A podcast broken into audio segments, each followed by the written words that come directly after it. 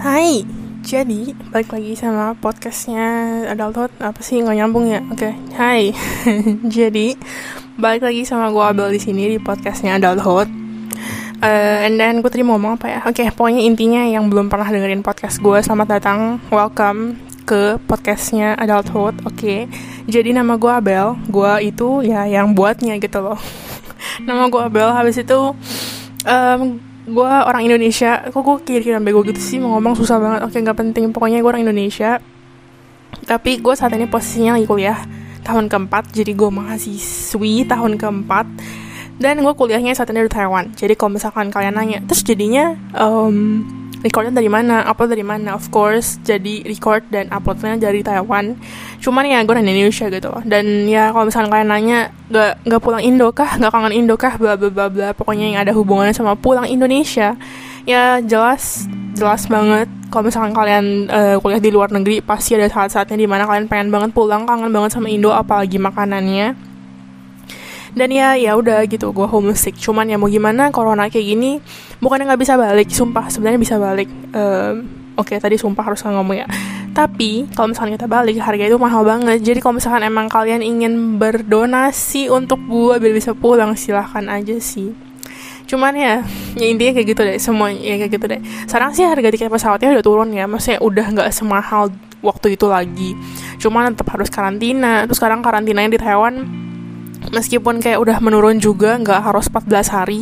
Jadi kayak 10 hari tambah 4 hari kayak self quarantine gitu cuman ya tetap mahal. Kayak lo tetap harus bayar gitu kan. Dan setahu gue per harinya itu sekitaran dulu ya dulu yang gue tahu paling murah itu sehari sekitar 2.500 sampai 3.500 NTD jadi which means um, paling murah 1,2 setengah juta. Itu paling murah tapi gak tau sekarang gimana terus belum lagi bayar buat PCR testnya. Pokoknya kan banyak tuh yang harus disiapin ya buat kalau misalkan lo mau pulang ke Indo. Jadi ya gue kayak mikir-mikir gitu sih. Sebenernya gue emang pengen balik. Terus tapi ya gak tau lah semua ada di tangan ibu negara. Maksudku emak gue oke. Okay.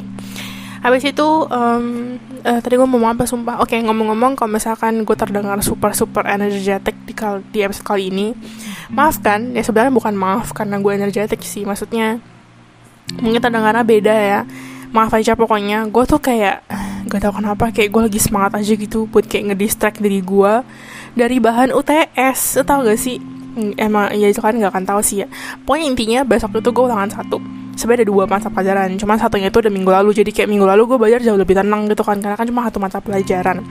Terus besok satu terus lusa itu dua. Dan lusa itu dua sebenarnya satunya tuh nggak nggak nggak banyak gitu loh topiknya itu sustainable tourism gitu kan. Sebenarnya sama sekali gak banyak bahannya. Kayak ada sekitar 5 PPT tapi itu satu PPT-nya cuman kayak ada yang cuman 18 uh, eh, apa sih slide. Uh, bukan 18 slide sih lebih tepatnya kayak 18 halaman.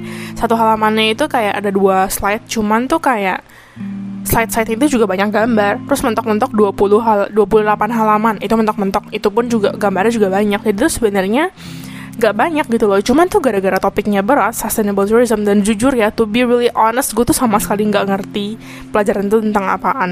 Ya ya kalau misalkan kalian dengar gue mungkin kayak ya tentang sustainable tourism lah of course gue tahu tentang itu. Cuma maksudnya kayak pas gue belajar kayak gak ada yang bener masuk karena tuh kayak bahasanya tuh kayak dalam dan gue tuh kayak jadi berasa kayak gue tuh lagi belajar history gitu tau gak sih? Kayak ada bahas bahas tentang World War 2 lah ada bahas tentang kayak apa sih um, Paris Agreement lah. Habis itu kayak ada Kyoto something. Ah shit gue lupakan udah udah lah nggak tahu lagi gue udah capek.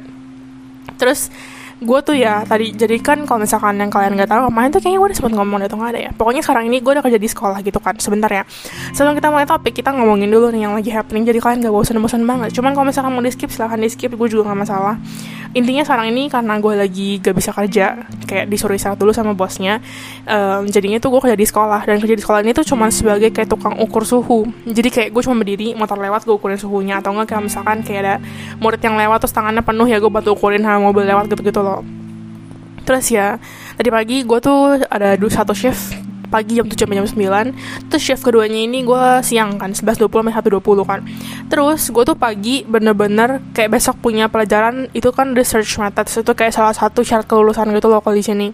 Terus kayak um, gue tuh bener baru belajar pagi ini. Dan kayak pas tadi pagi gue belajar ya sumpah gue cuma belajar dua halaman selama dua jam. Dan itu tuh kayak gak masuk gitu loh ngerti gak sih? Kayak padahal tuh dua halaman gak bukan dua halaman full kayak dua halaman tulisan tangan gue dan ada space space nya gambar-gambarnya. Cuman sama sekali nggak masuk. Gue udah kayak desperate banget. Gue kayak aduh matilah gak ada yang masuk gitu loh. Gak tau kenapa ya. Cuman dari kemarin itu apa sih? Bener-bener kayak gue tuh susah banget kayak konsentrasi bukan suka konsentrasi lebih tepatnya kayak susah banget apa yang gue baca masuk ke otak gue gitu loh. Ngerti gak sih? Gue nggak tahu karena gue emang capek kecapean tuh gimana. Karena kemarin gue kan juga ada nyicil kan kemarin gue nyicil. Ujung-ujungnya buat topiknya hari Rabu itu gue tuh kayak um, apa sih? Cuman kayak baca-baca doang gue tuh lo nggak bener ngafalin kan. Terus kemarin tuh kan gue gereja habis gereja gue makan habis itu gue ngantuk banget. Terus habis itu pas sampai kosan tuh udah jam 3an gitu kan. Dan gue tuh kayak semacam pengen apa sih pengen bobo.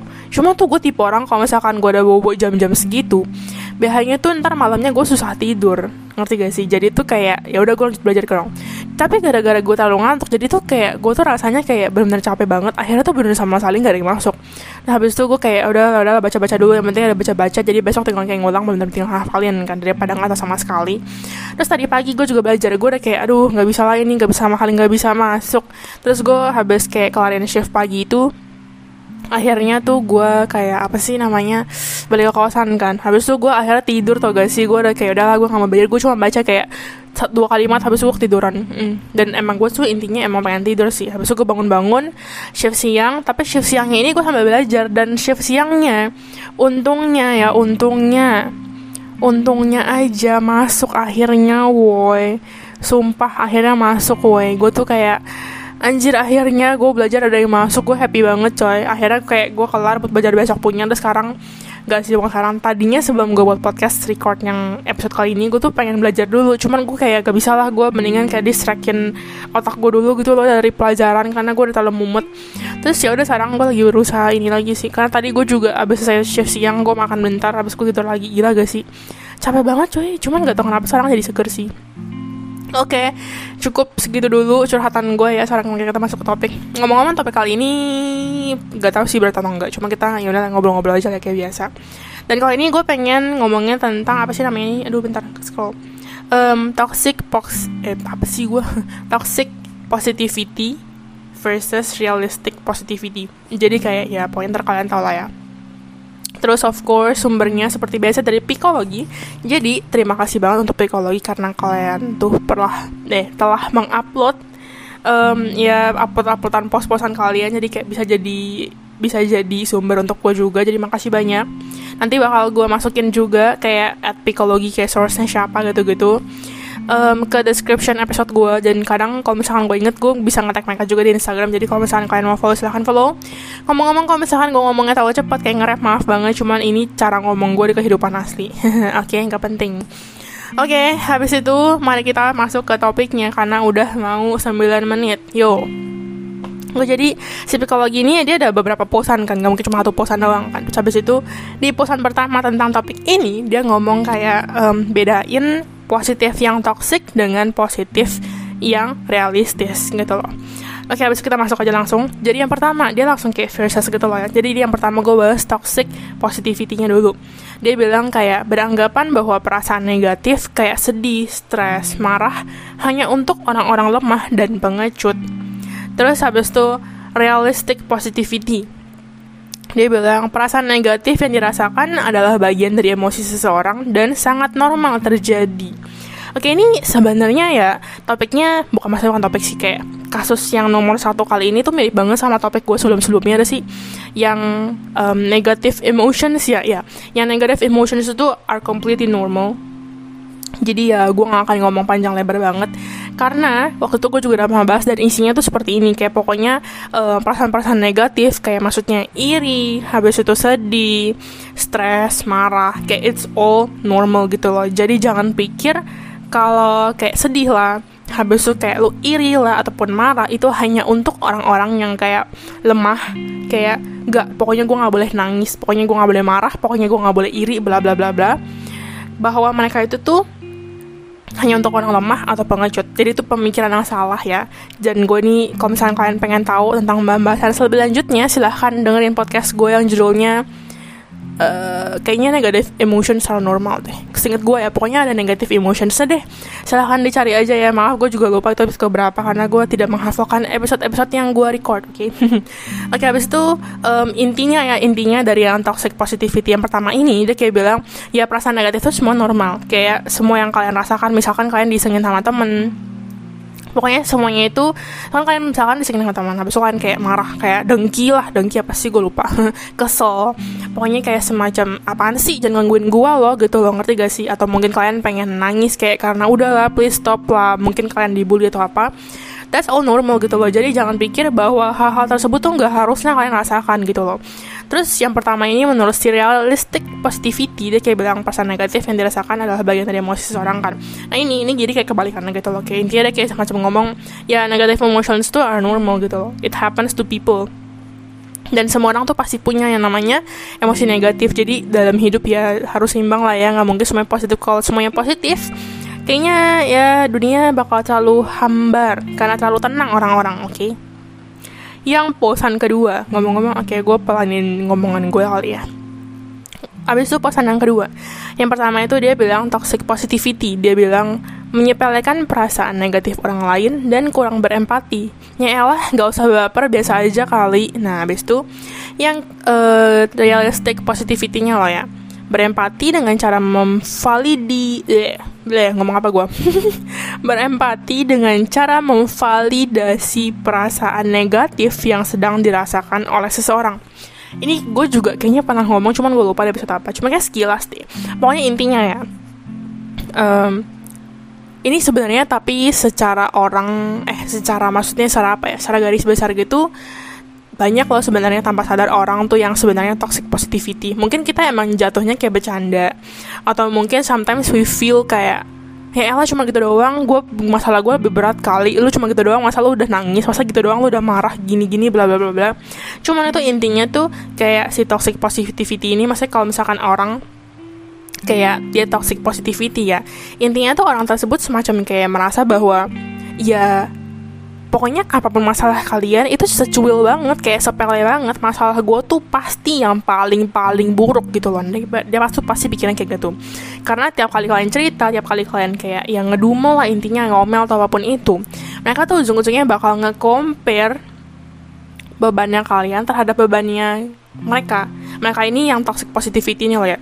Dan mereka tuh bakal selalu merasa kayak ah cuman gitu doang bla bla bla kayak atau enggak gini deh paling gampang atau enggak kayak mungkin secara halusnya kayak bilang oh yang sabar gini gini habis itu kayak awalnya sih mungkin kayak ya udah ya kayak ya udahlah sabar begitu gini gitu kan. Tapi nanti di akhir pasti semacam kayak ada ya udah sih atau enggak kayak nanti ujung-ujungnya meskipun dia nggak senyolot itu atau gimana ujung-ujungnya pasti nanti di akhir semacam kayak ada ngomong kayak um, gue contohin ya kayak kira-kira gitu dia kayak bilang e, ya udahlah gue waktu itu aja gini-gini. Nah dia ujung-ujungnya tuh dia tuh kayak malah jadinya tuh min bukan minta sih semacam kayak kesannya kayak gue loh yang harusnya lebih dikasihanin. Masa lu gitu aja udah gini-gini masa lu gitu aja udah komplain nah kayak gitu.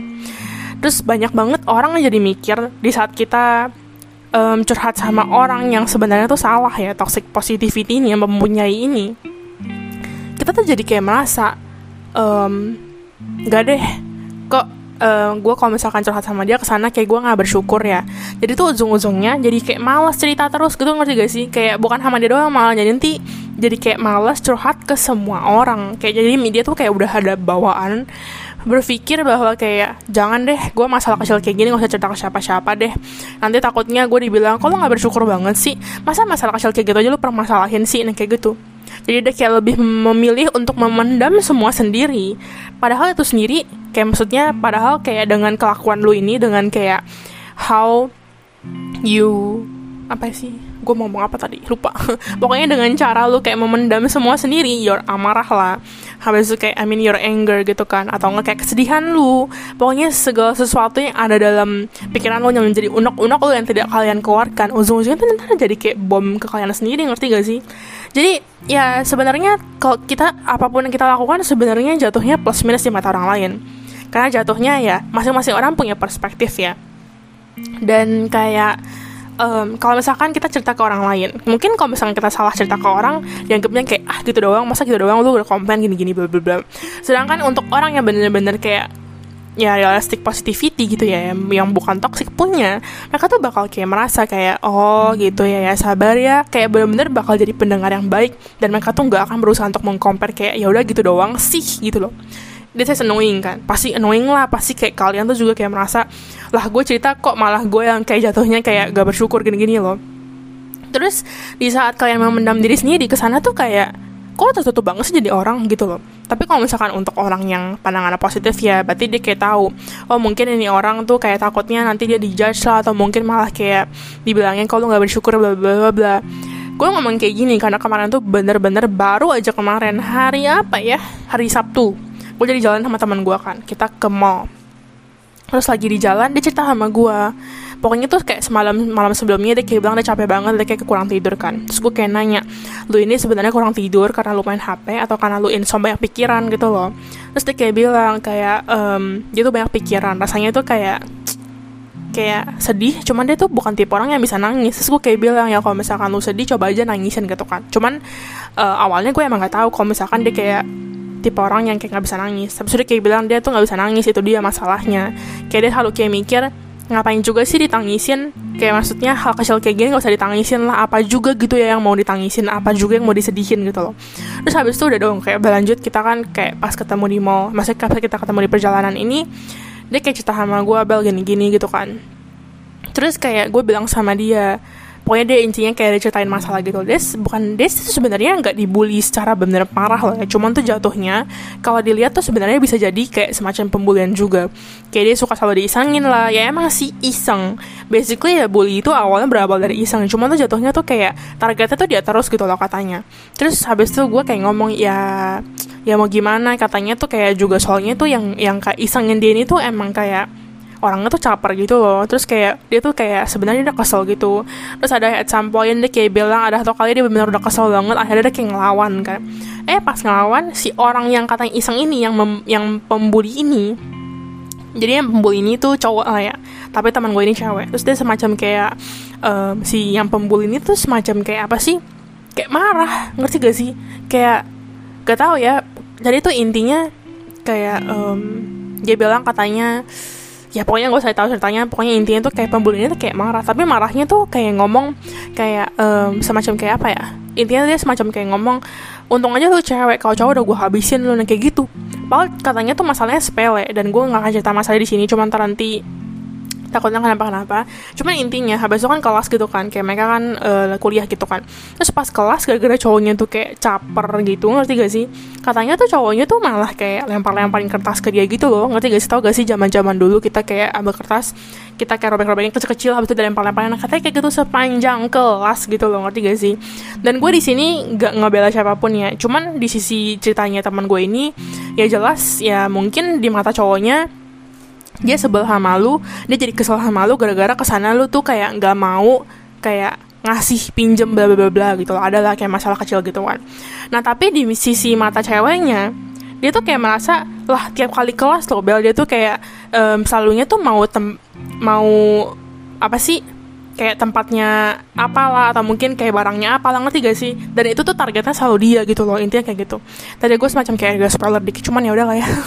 Gue ya udahlah ya ya udahlah ya. Pokoknya intinya kalian kayak tahu masalahnya kayak gitu kan. Terus teman gue langsung kayak ngomong kayak terus dia juga kayak ada cerita gitu kan kayak bilang sebenarnya dari dulu dia juga suka digituin. Cuman tuh bukan tipe yang kayak dibully yang benar jelas banget kayak dibully sampai kayak dipukul atau gimana gitu loh. Cuman tau kayak, kayak jadi bahan isengan gitu loh ngerti gak sih? Karena tuh dianggapnya kayak mungkin jadi kayak victim yang paling gampang diisengin gitu loh ngerti kan Nah habis itu dia tuh kayak ngomong kayak sebenarnya jujur dia kayak kesel cuman tuh kadang dia cuma bisa senyumin aja katanya.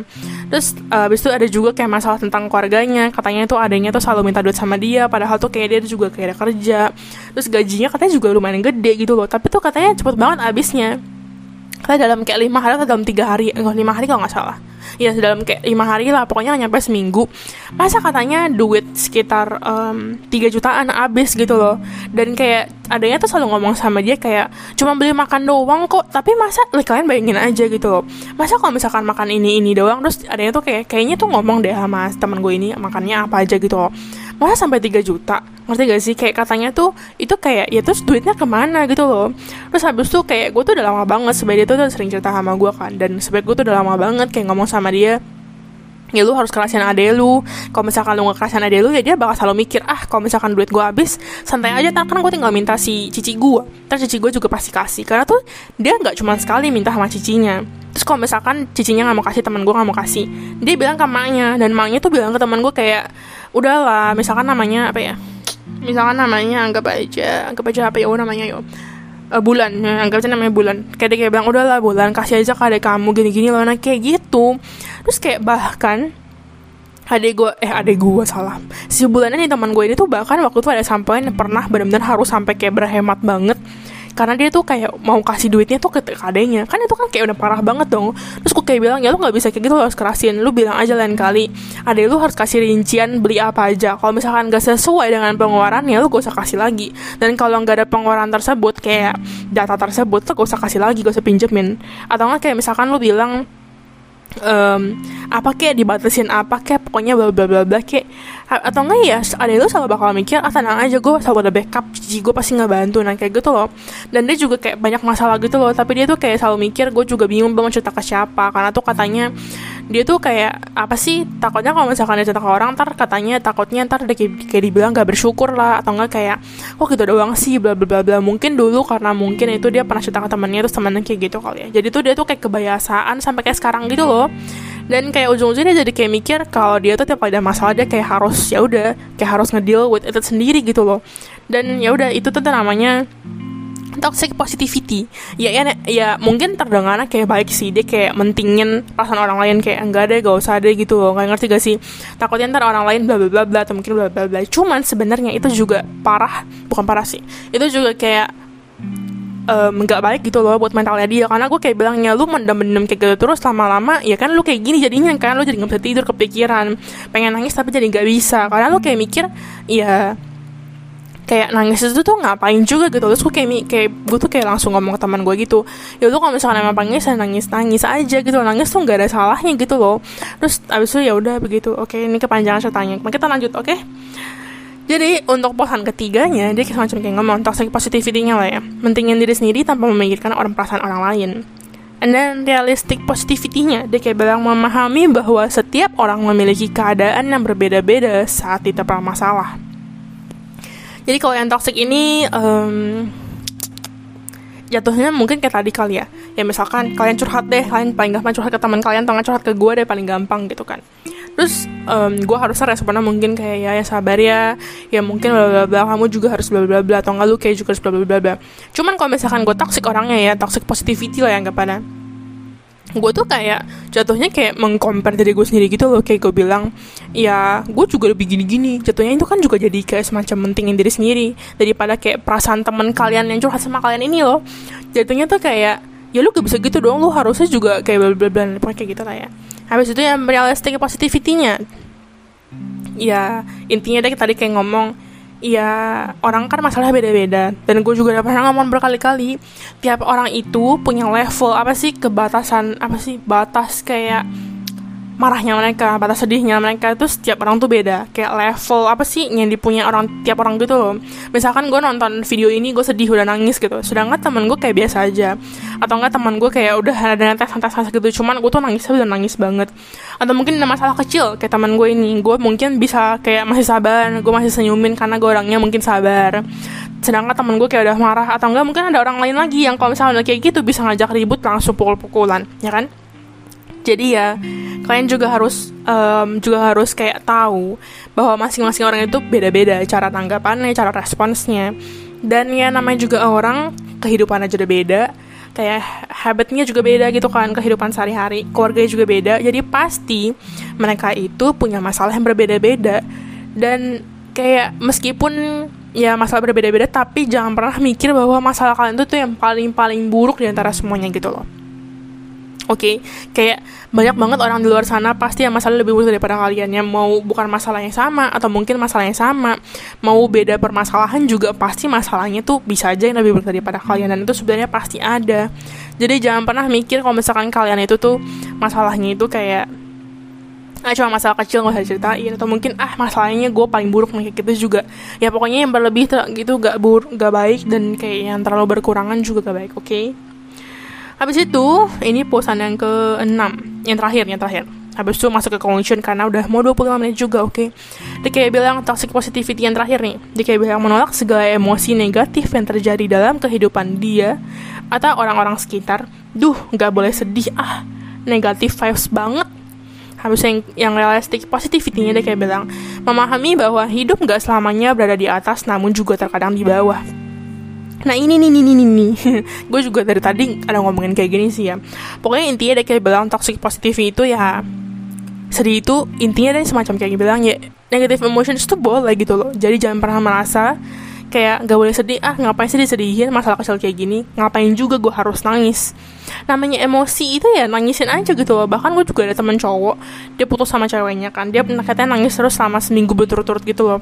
Itu nggak apa-apa gitu loh. Jadi untuk kalian yang kayak dengerin mungkin dengerin ini kayak ih cowoknya cemen banget kayak masa gitu aja nangis nggak boleh kayak gitu. Kan tadi kan gue udah bilang kan kayak masing-masing orang responsnya beda, cara nanggapannya juga beda, cara nanggapan, cara tanggapannya juga beda. Jadi janganlah jangan kayak ngejudge orang kayak ah gini doang masa lo nangis sih, masa gini doang lo kompen sih. Ya oke okay lah kompen itu emang gak sepenuhnya buruk, gak sepenuhnya baik. Mungkin terkadang kompen itu kayak ke sana kayak kok lo kalau dikit-dikit komplain banget sih Bel? Kok dikit-dikit komplain aja sih Bel? Kayak gitu. Mungkin terdengarnya kayak gak bersyukur. Cuman kita komplain itu bukan gak, bukan berarti gak bersyukur loh. Contoh paling gampang saya kayak bilang um, gue kayak bilang deh sama kemarin gue baru aja bahas juga sama teman gue kayak bilang kan capek nih Shell gitu kan sama teman gue gue bahas sama Michelle kayak gue tuh nggak mau kerja di hotel bla bla bla gitu kan. Terus dia kayak bilang ya teman gue aja sampai kayak bilang ke gue bilang katanya udahlah kita semoga ya ntar ketemu suami yang kaya jadi kayak gue kayak semua ke apa sih kerja keras kita selama itu terbayarkan jadi nanti kita hidupnya nggak susah Nah ini untuk sebagian orang yang mendengar kata-kata gue barusan ini mungkin mereka tuh kayak mikir, kalau matre, jujur ya, jujur ya, uh, ini tuh bukan matre, tolong ya, tolong ya, gue tuh bukan tipe orang yang kayak gimana banget sama duit ngerti gak sih? Tapi gue realistis aja, selama ini loh gue kerja capek, dapetin duit lo susah. Tapi ngalir cepet banget ngalir tuh berasa kayak nyalain keran ngerti gak sih? Sedangkan dapetinnya tuh udah kayak karena macet-macet jadi lo kayak benar-benar harus capek banget baru dapet duit. Sedangkan pengeluarannya tiap hari lo ngeluarin duit ngerti gak sih buat makan. Ya kecuali lu sekali ulinya indomie terus tiap hari lo makan indomie ya lu malah meninggal aja lama-lama gitu kan. Ya maaf kita realistis aja gitu loh. Ya jadi kayak maksudnya kayak ya gimana ya? Maksudnya ya kayak gitu pun juga kayak maksudnya bukannya kita nggak bersyukur gitu loh ngerti gak sih? Gue juga bersyukur gitu loh. Dengan kehidupan gue sekarang gue jujur ya nyokap gue dan bokap gue kita masih ada duitnya. Bukan tipe keluarga yang kayak berkesusahan lah etis gue bukannya sombong dengan bilang gue kaya atau gimana karena keluarga gue emang nggak kaya cuman ya gue masih bersyukur sampai tahap ini. Gue bisa kuliah kayak gue bisa kuliah di luar negeri. Masih bisa dikasih uang bulanan lah kayak dan uang bulanan tuh bukan yang kecil sampai kesusahan sampai gue harus hemat gimana banget karena gue juga makannya masih bisa enak. Masih bisa makan cita opal masih bisa makan all you can eat. Jadi maksudnya gue juga bersyukur. Cuman kita ngomongin ya realitas aja gitu loh. Oke, okay, oke. Okay, habis itu uh, yang kedua, yang realistic positivity yang kayak bilang, ya pokoknya namanya hidup pasti ada atas sama bawah gitu loh. Jadi jangan apa sih? Jangan kayak selalu mikir. Nggak pokoknya gue harus selalu positif vibes. Nggak mungkin. Gue harus selalu senyum. Nggak mungkin. Pasti ada saatnya di mana kalian juga bakal capek banget menghadapi semua masalah kalian. Kayak dari kemarin ini gue tuh kayak ada mental breakdown gitu loh. Kayak gak tau kenapa gue tiba-tiba sedih. Habis itu gue bisa tiba-tiba nangis. Karena gue juga nggak ngerti gitu loh. Jadi kayak ya nggak tahu lah gitu loh. Capek. Beneran gue capek cok. Gimana ya ya? Pokoknya ya intinya lu nangis boleh bla boleh. Cuman tuh jangan pernah mikir kalau kalian tuh bener sendirian gitu loh ngerti gak sih? Oke. Okay.